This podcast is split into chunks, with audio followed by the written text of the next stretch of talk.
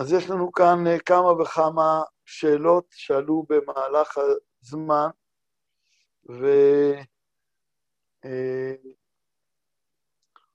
אה, עליהן אה, לפי הסדר שהם הגיעו, אני חושב. מה המקום של תחום האמנות והמוזיקה באקדמיה?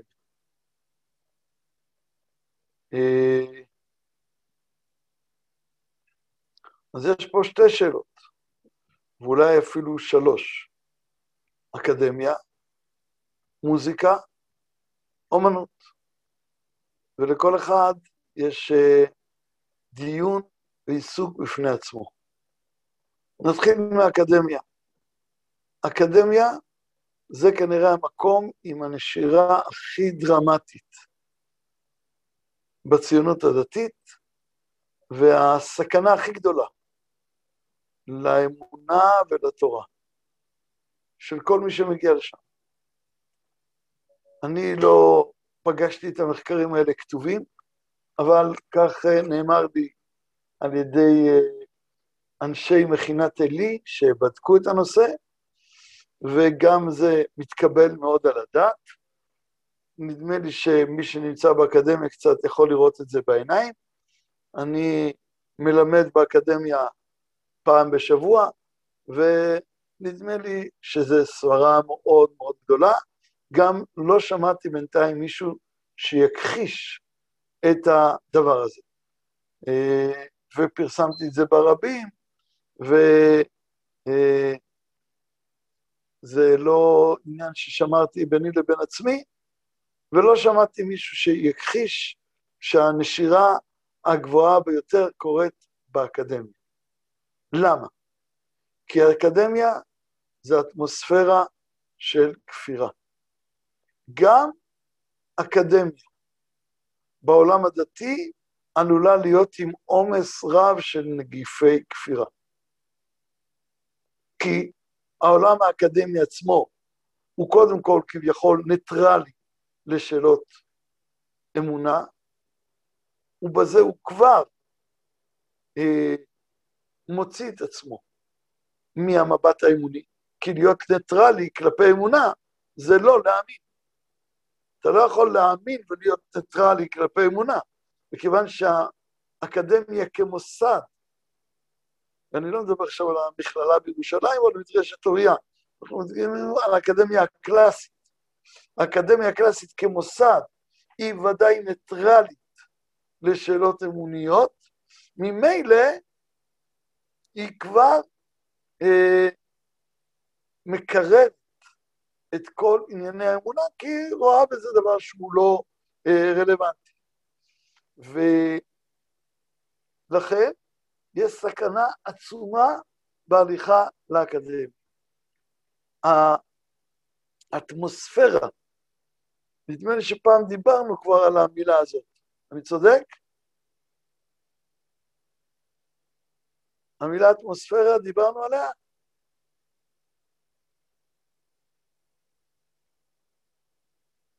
אף אחת לא עונה, כנראה שאני מדבר על עצמי.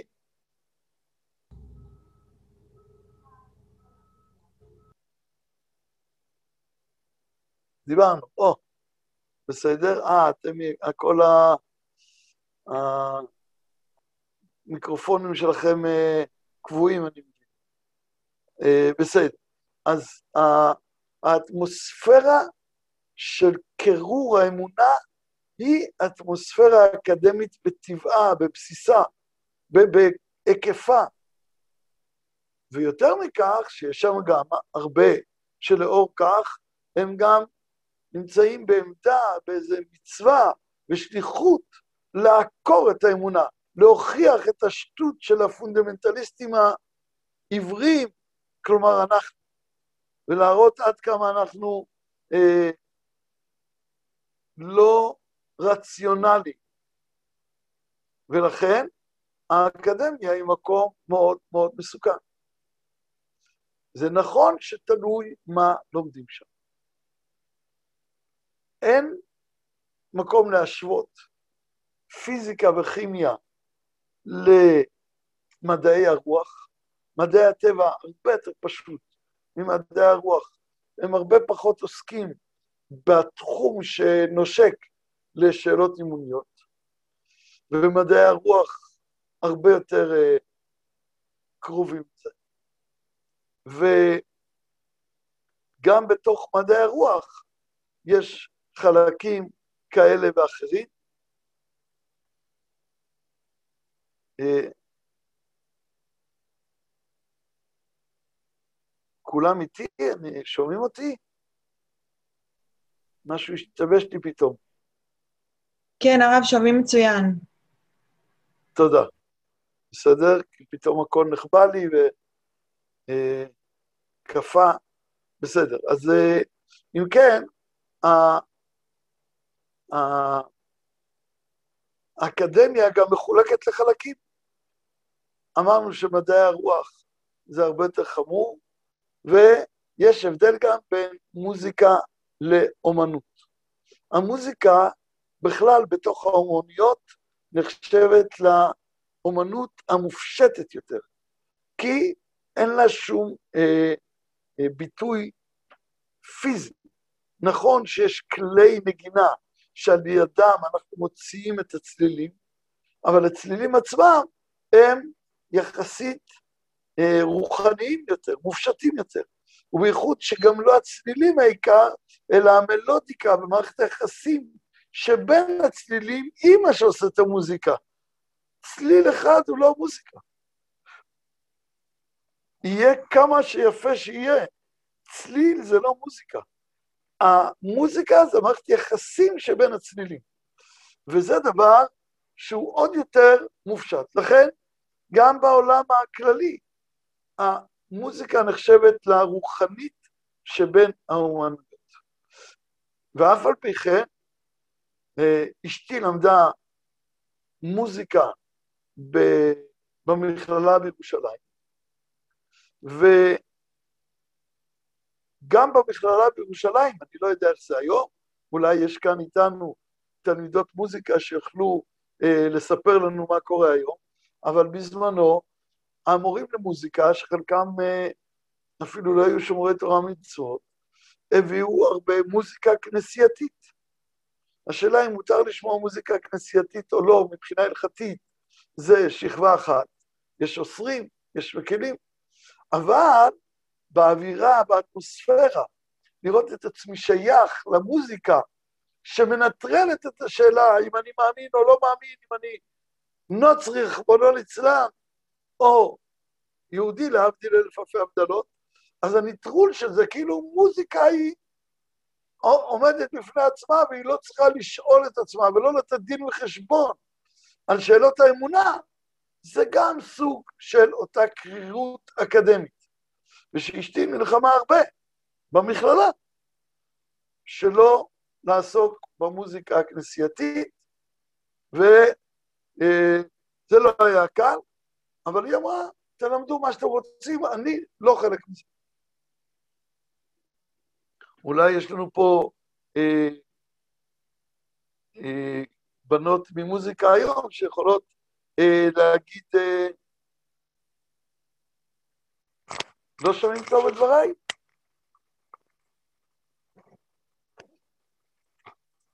אה, אז אם עוד היה,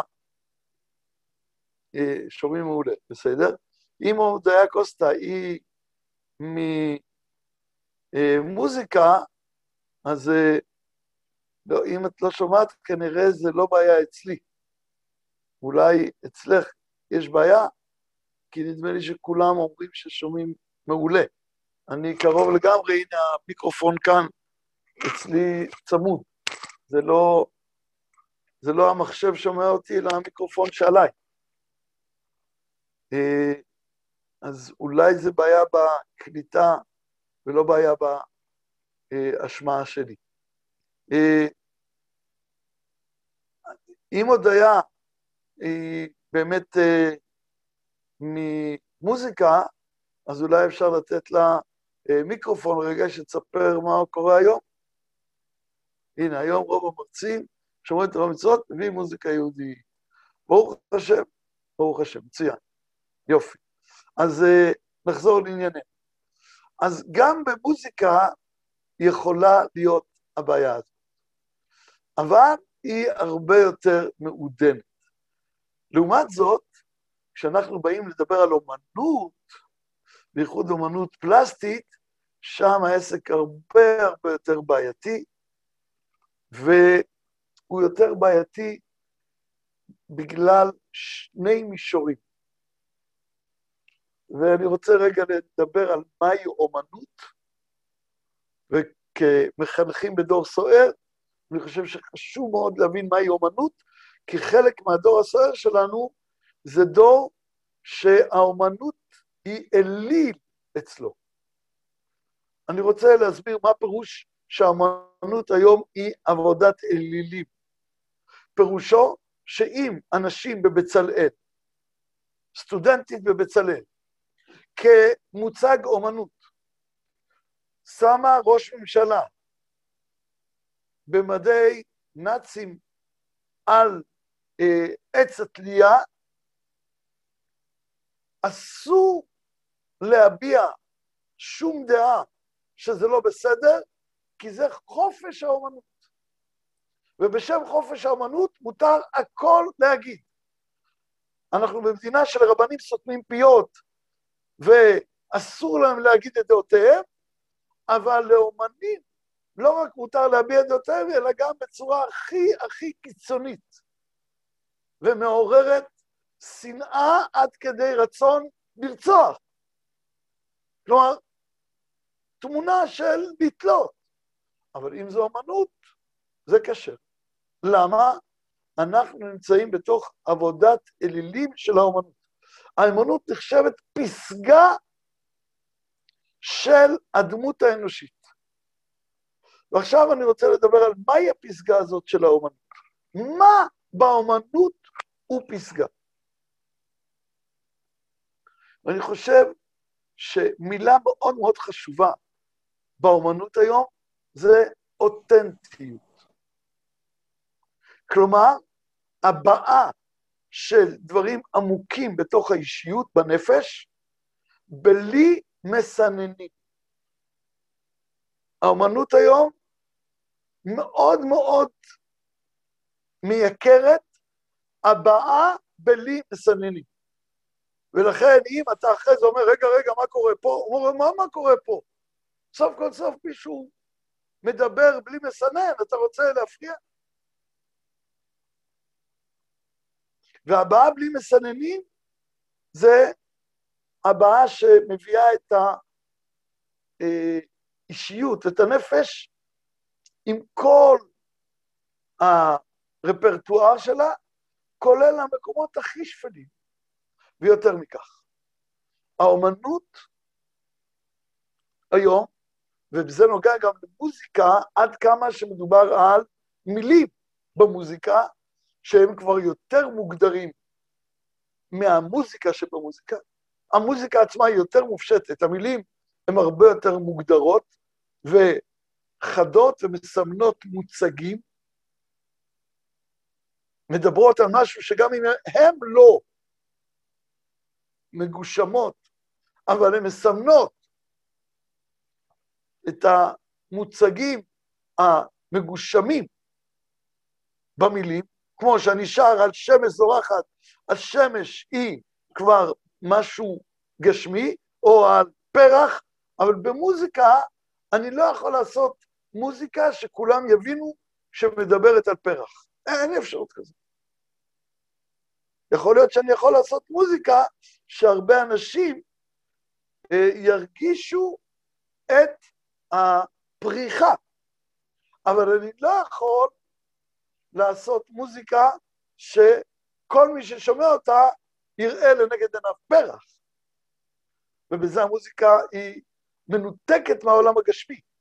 לעומת זאת, אני בהחלט יכול להגיד את המילה פרח בתוך המילים, וכולם הם פרח. אני יכול להגיד גם פרח אדום, ואפילו כלנית.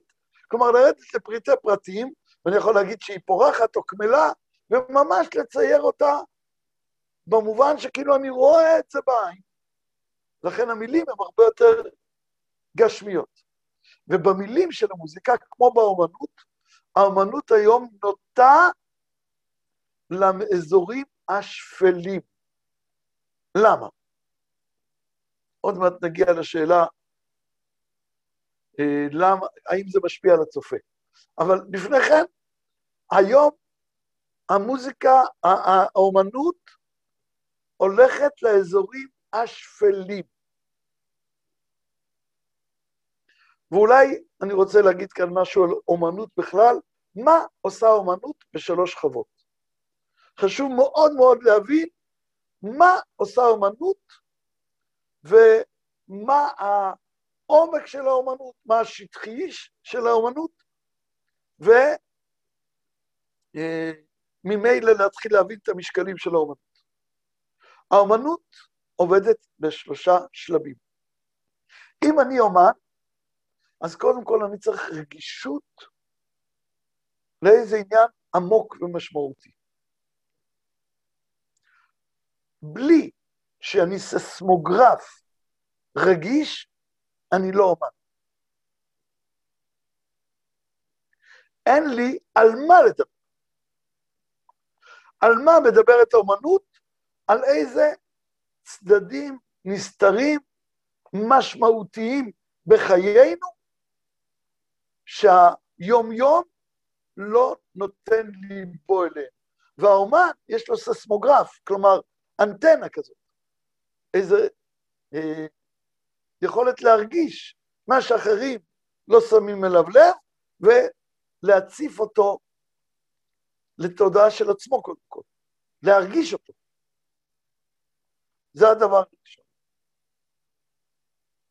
הדבר השני זה היכולת להביע באחד מכלי האומנות. זה יכול להיות במוזיקה, ואז באמת אף אחד לא יודע את מה הבעתי, הוא רק יודע את ההבעה. זה יכול להיות במילים, בציורים, בפיסולים וכולי. הוא מביע באחד מכלי האומנות את מה שהוא היה רגיש אליו, ויכולת ההבעה הזו היא בוודאי מאוד מאוד משמעותית למי הוא האומן ומה גדלותו, אבל יש שלב שלישי, וזה שיכולת ההבעה של האומן היא מובנת ורצויה, אה, מיוכרת, חשובה, משמעותית לצופים. והאמת היא שהיום יש עוד שכבה, וזה שהצופים מוכנים לשלם על זה כסף. אבל זה כבר לא אומנות, זה, זה ביזנס. והיום הרבה מאוד מהאומנים עוסקים בכסף של האומנות שלהם. וכל מעשה האומנות הוא מנוהל על ידי המרגן שאומר לאומן איך לעשות את האומנות באופן שיביא לו הרבה כסף. וזו אומנות לצורך כסף יותר מאשר כסף שנלווה לאומנות. עסק. ובגלל שהאומן הוא לא מבין בביזנס, אז הוא לוקח לידו אמרגן שנותן לו את העסק. ושהוא גם הרבה פעמים מנהל את האומן. ובין אומן לבין אמרגן יש הרבה פעמים מערכת יחסים מאוד מאוד אה, מסובכת, אבל בכל זה לא נעסוק, כי זה כבר ההשפלה הקיצונית, שזה בכלל לא אומנות, זה כבר ממש ביזנס. זה כבר סחורה. אבל אם נחזור לשלושת הראשונים, דרך אגב, היום הרבה מאוד מהאמנות זה מסחר. צריך לשים לב לזה. היה לי חברות האומן, למדנו הרבה ביחד, וגם דיברנו על האומנות שלו. אתם כולכם שמעתם עליו, קוראים לו אביתר בנאי. ומתי אתה שם שיר, ואיזה סוג שיר, ומתי אתה נעלם מהמפה, זה לא תלוי רק מה יש לך בבטן ליצור או אין לך, זה חלק, אלא גם מה המרגנית שלך אומר. מיצית את השיא, אתה צריך להיעלם כדי שיהיה לך שיא חדש, וללכת לכאן, וללכת לשם, ולשיר הזה, ואת הזה הזה, ומה לעשות, ואיך להופיע, ו... זה הכל המרגנים. שהאומנים המשובחים בוודאי סובלים מהם מאוד. אבל אותם בואו נוציא מהמערכת. ובואו נדבר עכשיו על האומן. אז האומן, יש לו שלושה שלבים. שהציבור קולט אותו, שיש לו יכולת הבאה ושהוא ססמוגרף. ועכשיו אמרתי את זה בעצם מלמטה למעלה. יש אומנים גדולים, ענקיים, שבימיהם אף אחד לא ייקר את עבודתם. ורק אחרי דורות פתאום גילו אותם. אולי מי שלומד את אמנות יכולה למנות כמה וכמה כאלה. אה, אני פעם ידעתי, אני לא זוכר עכשיו, תסלחו לי שהמוח שלי משתדל, הקטן וה... הנה ואן גוך, הקטן והמוגבל והנוטה, שהזיכרונות שלו מתפוגגים, אני לא זוכר את הדברים האלה, אבל תופעה ידועה ומפורסמת. אז אם כן, האומנים לא חייבים שידעו, הציבור שיכיר בהם. ויכול להיות שהיו אומנים, ממש רעבו ללחם, אבל הם היו אומנים. הם היה להם כלי הבעה פנטסטיים, שרק אחר כך הבינו את השפה של האומן הזה. אבל עוד יותר, לא בגלל שהיה להם כלי הבעה משובחים, הם היו אומנים שמוכנים לחיות על פת לחם ובלבד להמשיך לעסוק באומנות, אלא בגלל שהם היו ססמוגרף, שהיה להם הרגש בעניינים עמוקים, והם הרגישו שליחות להביא אותם לגילוי. קודם כל לעצמם אפילו, למגירה, לכתוב למגירה, כי יש פה משהו משמעותי, לפחות שאצלי במגירה, הוא יבוא לידי ביטוי. ועיקר כישרונו של האומן זה עומק הססמוגרף שהוא מהווה. ואומן שהוא ססמוגרף עמוק ואין לו כלי הבעה, אז נכון שהוא לא יכול לתווך את זה אלינו, וזה כמו אוטו עם מנוע פנטסטי, אבל בלי גלגלים, אבל סוף כל סוף המנוע הרבה יותר חשוב מגלגלים. ומי שחי את הססמוגרף ואין לו כלי הבעה, הוא סובל נורא. לעומת זאת, מי שיש לו כלי הבעה והוא לא ססמוגרף, אז הוא קיץ', הוא פלקט, הוא שטחי, הוא רדוד, חלול. אין לך מה להגיד, אתה יודע להגיד את זה בהמון מילים, אבל אין לך מה להגיד. והיום הכישרונות האלה מתרבים מאוד, ולכן זה מבלבל. ססמוגרף זה רגישות לממדי עומק נסתרים שהעין הרגילה לא מזהה אותם. והיכולת להדהד אותם. קודם כל באישיות, עוד לפני שאני מצליח להביע, שהאישיות שלי מהדהדת ממדי עומק משמעותיים שהעין הרגילה דילגה עליהם. כל אומן זה מה שהוא מביא. אבל יכולת ההבעה זה רק ההבעה של זה. וכאן אני רוצה להגיד משהו בעיניי הכי קריטי על אומנים. ואני אספר לכם סיפור. שני סיפורים. לפני שהקמנו את אוריה, היינו, הייתי אה, שייך למכללה אחרת, והייתי בראש החוג לאומנות, בשיתוף עם אומן גדול. אני הייתי כאילו הרב, והוא היה האומן, וניהלנו את זה ביחד, כדי שזה יהיה בכשרות על פי תורה. חלק מהעבר שלי. העבר העברייני, אם תרצו.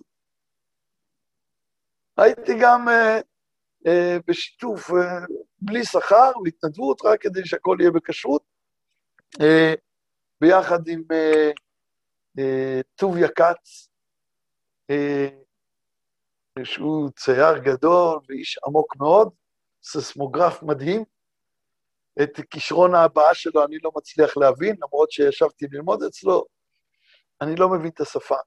אני מבין את שפת המוזיקה יחסית יותר, אבל את שפת הציור אני מבין הרבה פחות, אני לא מצליח, כלומר, אני יכול שילמדו אותי ואז אני אסביר, כי את הלוגיקה אני יכול להבין, אבל לא איך זה נמצא בציור, בלי שמסבירים זה, אני לא...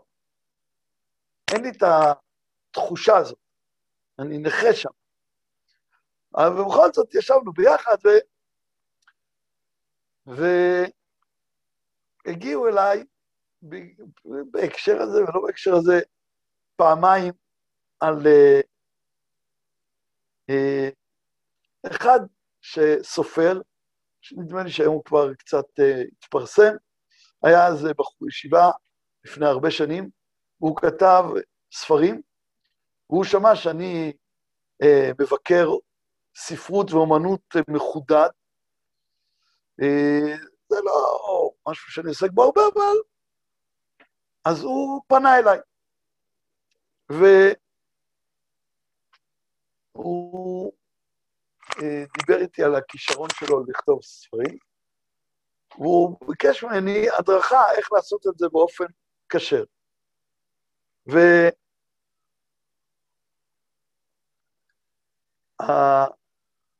והכשר הזה, הוא רצה שזה יהיה על פי עצתי. ואני מאוד מאוד לחצתי עליו שלא ישמע לעצותיי, שלא יבקש את עצותיי. אמרתי לו, אני פונדמנטליסט, אני קיצוני, אני עיוור, אני לא מבין כלום, אני פנאט, לך לאנשים נורמליים, תבקש את העצות שלהם. אני אומר את כל הדברים האלה הרבה פעמים, כדי לחסוך מאנשים שהם לא יצטרכו להגיד עליה את זה. אחרי שאני כבר פנאט, אז אם אמרתי את זה דבר טעם, הוא אומר, פנאט אומר דבר טעם? אבל אם אני לא פנאט, אז הוא אומר, מה אתה אומר? דברים שנשמעים כמו פנאט. אז אני חוסך להם את זה. בואו נצא מנקודת הנחה שאני פנאט, ועכשיו נדבר הרבה יותר קל. אמרתי לו, תשמע, אני פנאט, עזוב, לך לאנשים נורמטיביים. והוא התעקש מאוד מאוד מאוד. אז אמרתי לו, תסלחו לי במחילה מכבודכם, אמרתי לו, אני מציע שתכתוב שלושה ספרים ראשונים בלי להזכיר אישה אחת. במחילה מכבודכם. ואם נראה שבאמת טובים, אז נדון הלאה, האם אתה יכול להכניס גם את האלמנט הזה לתוך הספרות שלך. הוא היה בהלם. הוא אומר לי, למה? וגם איך אפשר? אמרתי לו, אני מציע לך לבדוק את הספרות, אני מניח שיש ספרים כאלה ואפילו טובים. ואני אגיד לך את הסיבה. הסיבה היא שהאומנים היום הם ססמוגרף. אבל השאלה היא, העיקרית, ססמוגרף למה? למה יש לך רגישות? ואמרתי לו, לצערי, מה שאני רואה היום בעולם זה שהולכות ומתפתחות שתי מערכות, שני תחומים. הם התחומים שהססמוגרף של האומנות אה, פועל בהם יותר ויותר, כמובן לא רק. האומנות היא דבר ענק, והססמוגרף של האומנים הולך לאין ספור זוויות והקשרים. ובכל זאת, האומנות היום, הקלאסית, הולכת יותר ויותר לשני מקומות. אחד, לרומנטיקה שגולשת לחלקים היותר שפלים של העניין הזה, והשני זה לדיכאון ולחלק השפל של החיים. כי זה אותנטי. רומנטיקה היא תמיד אותנטית, והחלק השפל, אם אתה מצליח להביא אותו, שאנשים מתעלמים מזה, ואתה מצליח להביא את החלק השפל של החיים באופן אותנטי, אז אתה אמיץ, אתה מסיר לוט מעל דבר סמוי, ואתה מביא את החיים בכל אה, הדרם. לא הדרם במובן החיובי, בכל uh, תוקפן. היה נראה לו מוזר מאוד. אמרתי לו, אני אמרתי לך מראש, אל תשאל. אבל אני אומר לך, אתה בחור ישיבה, היום הוא כבר uh, הרבה שנים מעבר לבחור ישיבה. אתה בחור ישיבה, ואתה רואה שיש לך כישרונות אומנותיים. יש מלא אומנים, מי צריך גם אותך? אבל מה אתה אומר לי? שצריך שיהיה אנשי תורה אומנים. אבל אנשי תורה, קודם כל שיהיו ססמוגרפים לדברים עליונים ונשגבים, ולא ססמוגרפים לרומנטיקה, זה יש לנו מיליון בלעדיך, מה אנחנו צריכים עוד ססמוגרף לרומנטיקה? מה זה ייתן לתרבות שלנו, לציבוריות שלנו? שיש עוד ססמוגרף לרומנטיקה? כולם ססמוגרפים לרומנטיקה. אני צריך אותך? כל נערה מתבגרת היא ססמוגרף מדהים לרומנטיקה. אני זקוק לך שתעורר את זה עוד יותר? מה זה נותן לי? אז לא שאתה יודע להביא דברים עמוקים ומשמעותיים שהם לא רומנטיקה ולא דכדוך, או שאנחנו לא צריכים אותך בתור רומן. ואני לא רוצה רומנטיקה בצורה כשרה, כי עצם הנגיעה כל הזמן על מיתרי הרומנטיקה, זה בעצמו טרייף. למה כל הזמן הציבוריות שלנו צריכה לעסוק בזה, לנגן על המיתרים האלה? זה מיתרים שהם מאוד מאוד יקרים במקומם, כבונים את הבית, כקושרים בין איש לאשתו, אבל לא כשיח ציבורי. ולכן אני גם, גם קשר לא רוצה את זה. זה טרף גם כשזה כשר. עכשיו, אני לא אומר שאף פעם אל תביא, אבל אם אתה אומן שבאמת רגיש להרבה מאוד דברים, ומדי פעם זה נכנס, מילא. אז בוא נראה אותך כותב שלושה ספרים טובים בלי זה, ואחרי זה נדון. הוא אומר לי, אני לא יכול. אמרתי לו, אם ככה, אז תהיה סנדלה, למה אתה צריך להיות סופר? ולזהם לנו את האווירה. הוא כתב ספרים, אפילו התפרסמו, אני לא יודע מה הוא כתב, לא קראתי אף פעם. אני לא יודע אם זה הועיל למה שאמרתי או הזיק מה שאמרתי. אתם יודעות כולכן שאני איש חד שמטלטל את uh, המחשבות, ואולי גם מגזים לפעמים, אבל uh, אלו הדברים שאמרתי לו.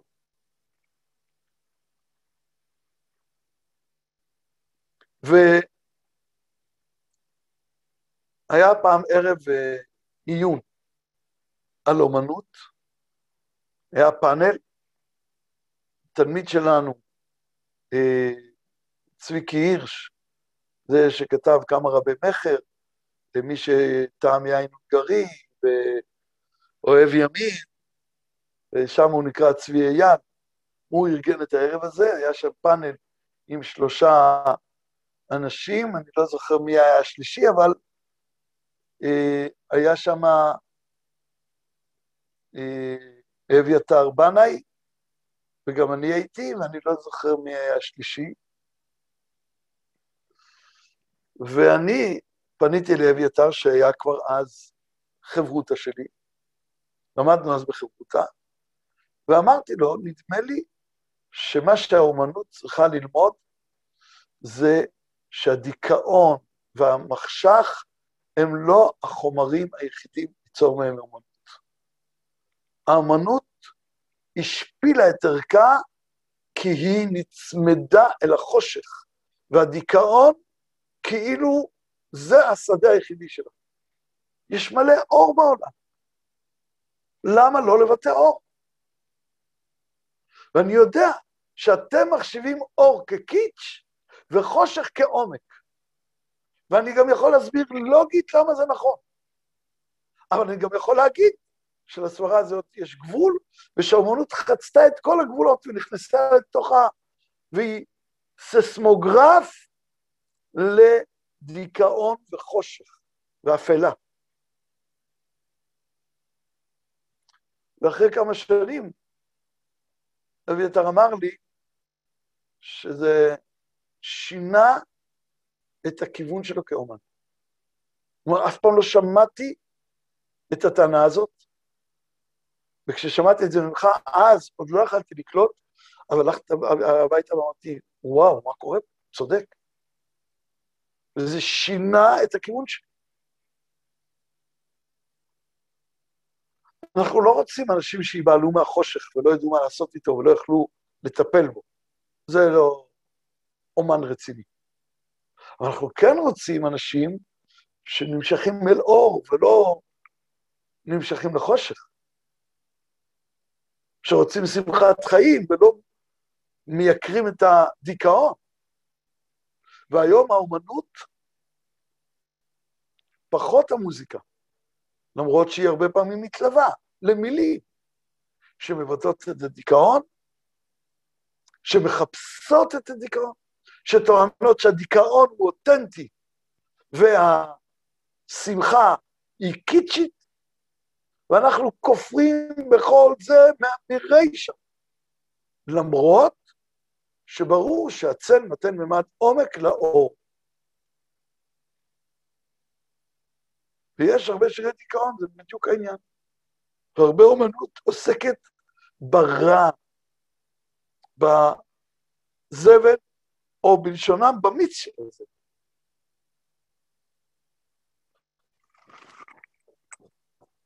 אז נחזור רגע. אז אם כן, אנחנו צריכים לדעת להבחין. כשאנחנו עוסקים באומנות, העיקר העיקרים בעיניי זה מה אני רוצה להעביר לכם, שכדאי לכם לקנות משקפיים. כשאנחנו באים לעניין האומנות יותר מכל, תבדקו, מעשה האומנות הזה היה ססמוגרף למה?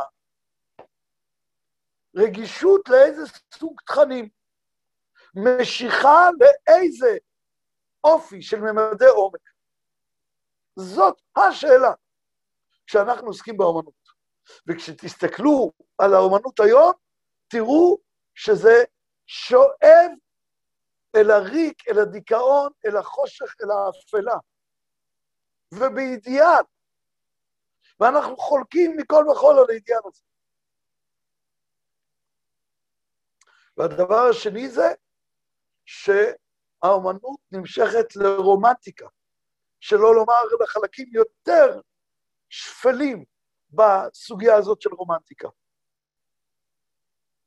ומי שהוא ססמוגרף לרומנטיקה, הוא איש שפל בעיניי. אלא אם כן הוא צדיק עליון ונשגב. אוי ודשם מיוחד.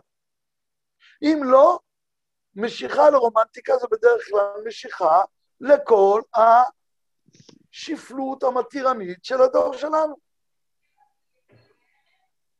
שכל הקשר בין איש ואישה, כתוב כאן לא רומנטיקה, זאת אהבה, או מה שקוראים אירוטיקה וכולי, הם יורדים מטה-מטה. הרבה פעמים זה מוצג כרומנטיקה, אבל בעצם זה החלקים השפלים. מי, מי כאן ההוסט? יש פה מישהו שנפתח לו המיקרופון.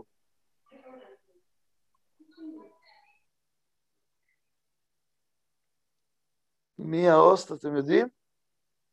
מי מנהל פה עכשיו את העניינים? הרב אני, אבל אה, הרב יצטרך ללחוץ על מיוט אול, כי... אז אני רגע אלחץ והרב יפתח את המיקרופון שלו שוב, בסדר? בסדר, בסדר. הנה, עכשיו הרב תפתח, מעולה. פתחתי, תודה. אני פשוט עם קשיי קשב וריכוז וטיפה רכשים, אני מאבד את קו החשיבה, אז אני לא, לא יכול לעמוד בזה. נחזור לענייננו. אז הכלי הכי חשוב זה ססמוגרף למה? ססמוגרף לשפלות, דיכאון, חושך, לא, וססמוגרף לאהבה, רומנטיקה, אירוטיקה, לא. אלא אם כן זה במינון מאוד דק בתוך רוממות של עבודת השם או של קדושה. אם לא, זהירות, זהירות, זהירות, זהירות. כי התרבות היום היא מתירנית, היא לא מתירנית, היא מעלילה, מלשון אליל, את ענייני הרומנטיקה וכל המדרגות השפלות, שרומנטיקה זה החלק הכי עליון שבהם, והיא אליל, עבודת אלילים של כל זה. זה סמלי התרבות שלנו, זה המודעות רחוב שלנו, זה הכוכבים שלנו, זה הכל קשור לזה. ואנחנו צריכים מאוד מאוד לשים לב ססמוגרף למה. ואני אגיד לכם ססמוגרף למה אני מחפש. אני מחפש ססמוגרף לקרבת השם, ססמוגרף לאהבת השם, ססמוגרף לאהבת לרעך כמוך אמיתי, ססמוגרף ליראת שמיים מתוקה, לא היראה של פעם שהיא מדכאת ומרחבה, אלא יראת שמיים מתוקה.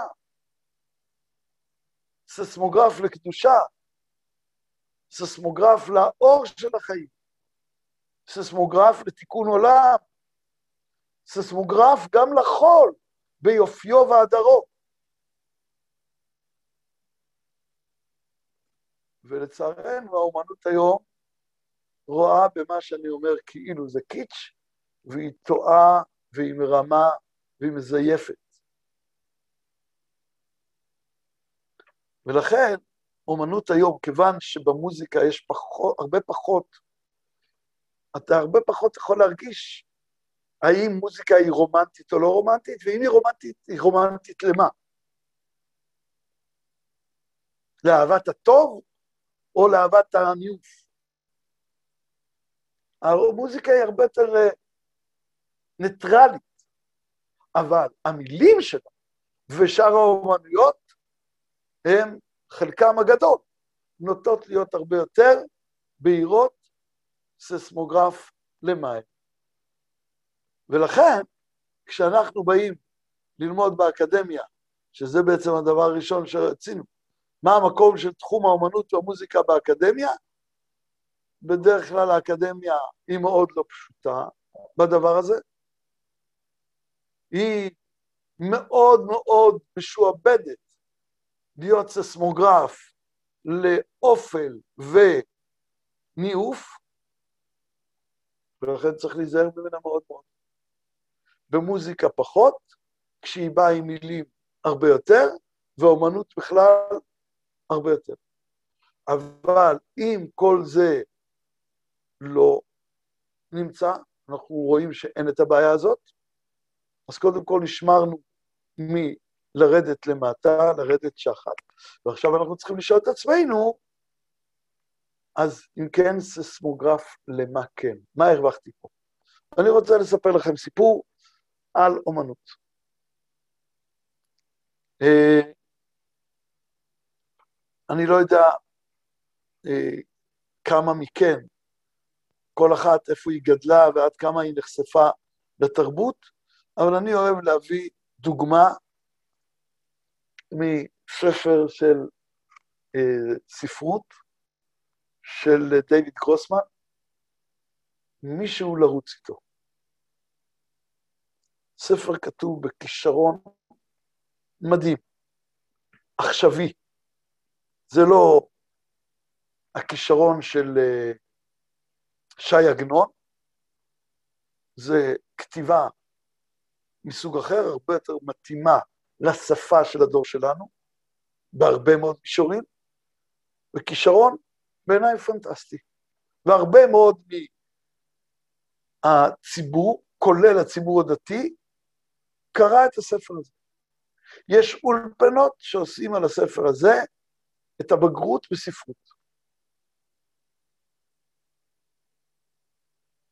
אם יש פה בנות שקראו את זה ומוכנות לחשוף את העבר הפלילי הזה בעברן, מוזמנות לכתוב כאן, שנדע שאני לא מדבר לאף אחד. אבל למי שקרא, מוזמנת לכתוב שהיא קראה את זה. ועכשיו אני רוצה להגיד לכם משהו, אה, וביותר לאלה שקראו את זה. זה סיפור אנושי מדהים של מסירות בין אח לאחות, גלגולים פנטסטיים,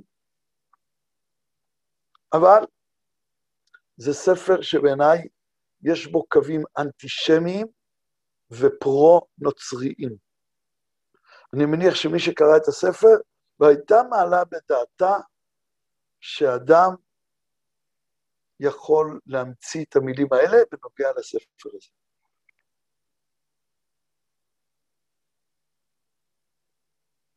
ספר נחשב, ולהגיד עליו שהוא פרו-נוצרי, ועם קווים אנטישמיים, זה נשמע מטורף לגמרי. אבל אני כדרכי מטורף לגמרי. הבעיה היא שאני נהנה מזה. זה הבעיה איתי. אני לא רק מטורף לגמרי, אני נהנה מזה.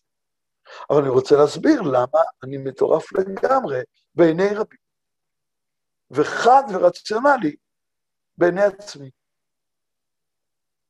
ואני אסביר. הדמות הטהורה, הזכה, הנעימה,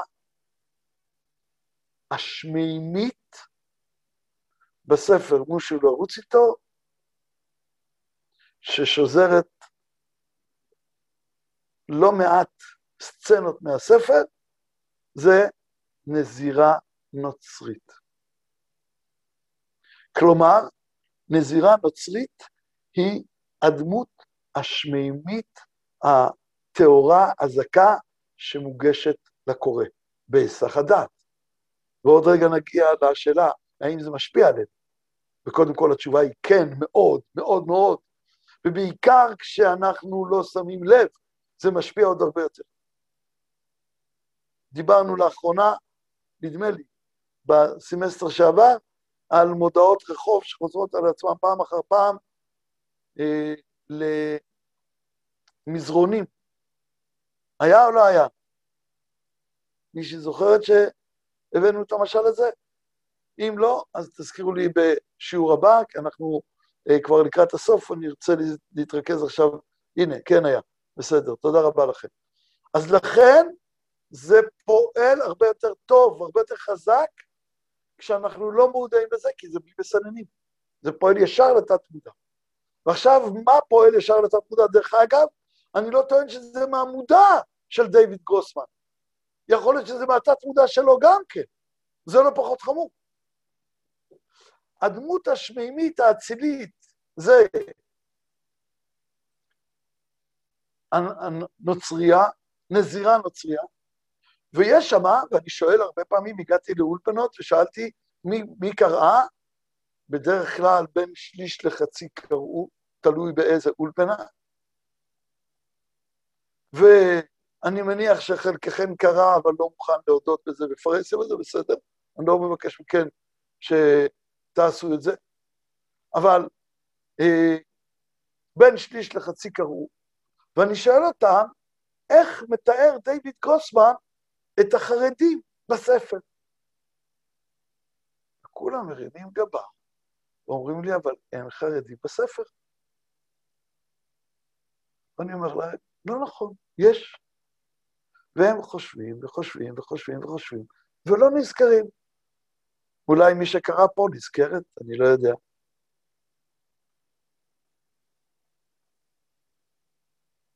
אביגיל נזכרת?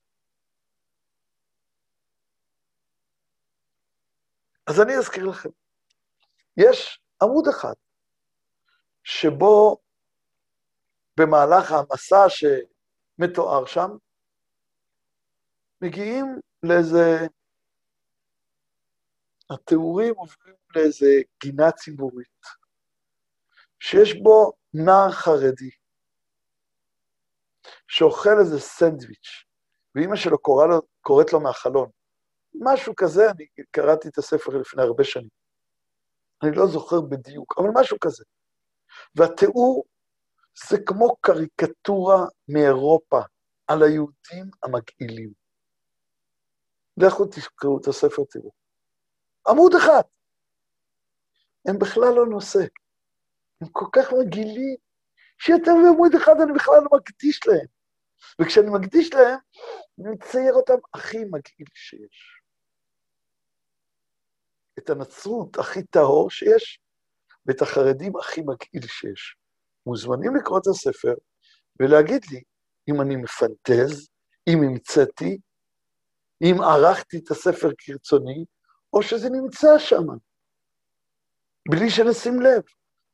וזה מחלחל להיות התמונות עומק בתוך הבטן שלנו, בקישקס.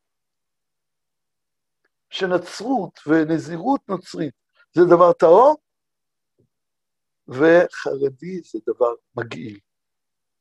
אין לי שום מסננת, כי בכלל הסיפור הוא על משהו אחר. על האח והאחות, והמסע. אני לא זוכר אם זה האחות עושה למען האח או האח למען האחות, נדמה לי שזה מסע שאחות עושה למען אחיה, אני צודק? או הפוך. והוא עיקר הסיפור. אבל תוך כדי זה, פתאום ממעמקי התת-מודע, באופן אותנטי, אנחנו מגלים תרבות פרו-נוצרית ועם קווים אנטישמיים. סליחה על החדות. והאם זה משפיע עלינו? בלי מסננים. זה משפיע הרבה יותר עמוק. אם זה היה הנושא, נצרות לעומת חרדיות, אז כולנו היינו יכולים לנתח, זה נכון או לא נכון. ככה אני גם מכיר, זה סביר לנתח כך, לא סביר. אבל אם זה חלק מהסיפור, זה אפילו לא הסיפור, זה הרקע שלו, שאני בכלל לא שם לב אליו, כי אני מתרכז בתמונה ולא ברקע. וברקע פתאום יש לי מסרים, שהנצרות היא טהרה, ושהחרדיות היא מגעילה. וזה היה הספר למבחן בספרות באולפנה. אנחנו מטורפים על כל השכל. לאן הגענו? לכן, כשאנחנו באים לאומנות, אנחנו צריכים לדעת, לזהות את הססמוגרף. זה היה ססמוגרף לנזירות הנוצרית. אותנטי, הוא אפילו לא שם לב אולי. ולקנות את הכישרון הזה, שאני צורך תרבות, בוודאי, בוודאי, לומד אומנות, ואני לא שם לב לכל הרעש האדיר שמביאים לי המורים, המרצים, האטמוספירה, אלא אני רגיש לשאלה, ססמוגרף למה? זה תנאי. ואחרי שתראו ססמוגרף למה, כבר לא יהיה לכם בכלל רצון ללכת לרוב הגדול של המקומות שמלמדים אומנות או משהו כזה באקדמיה.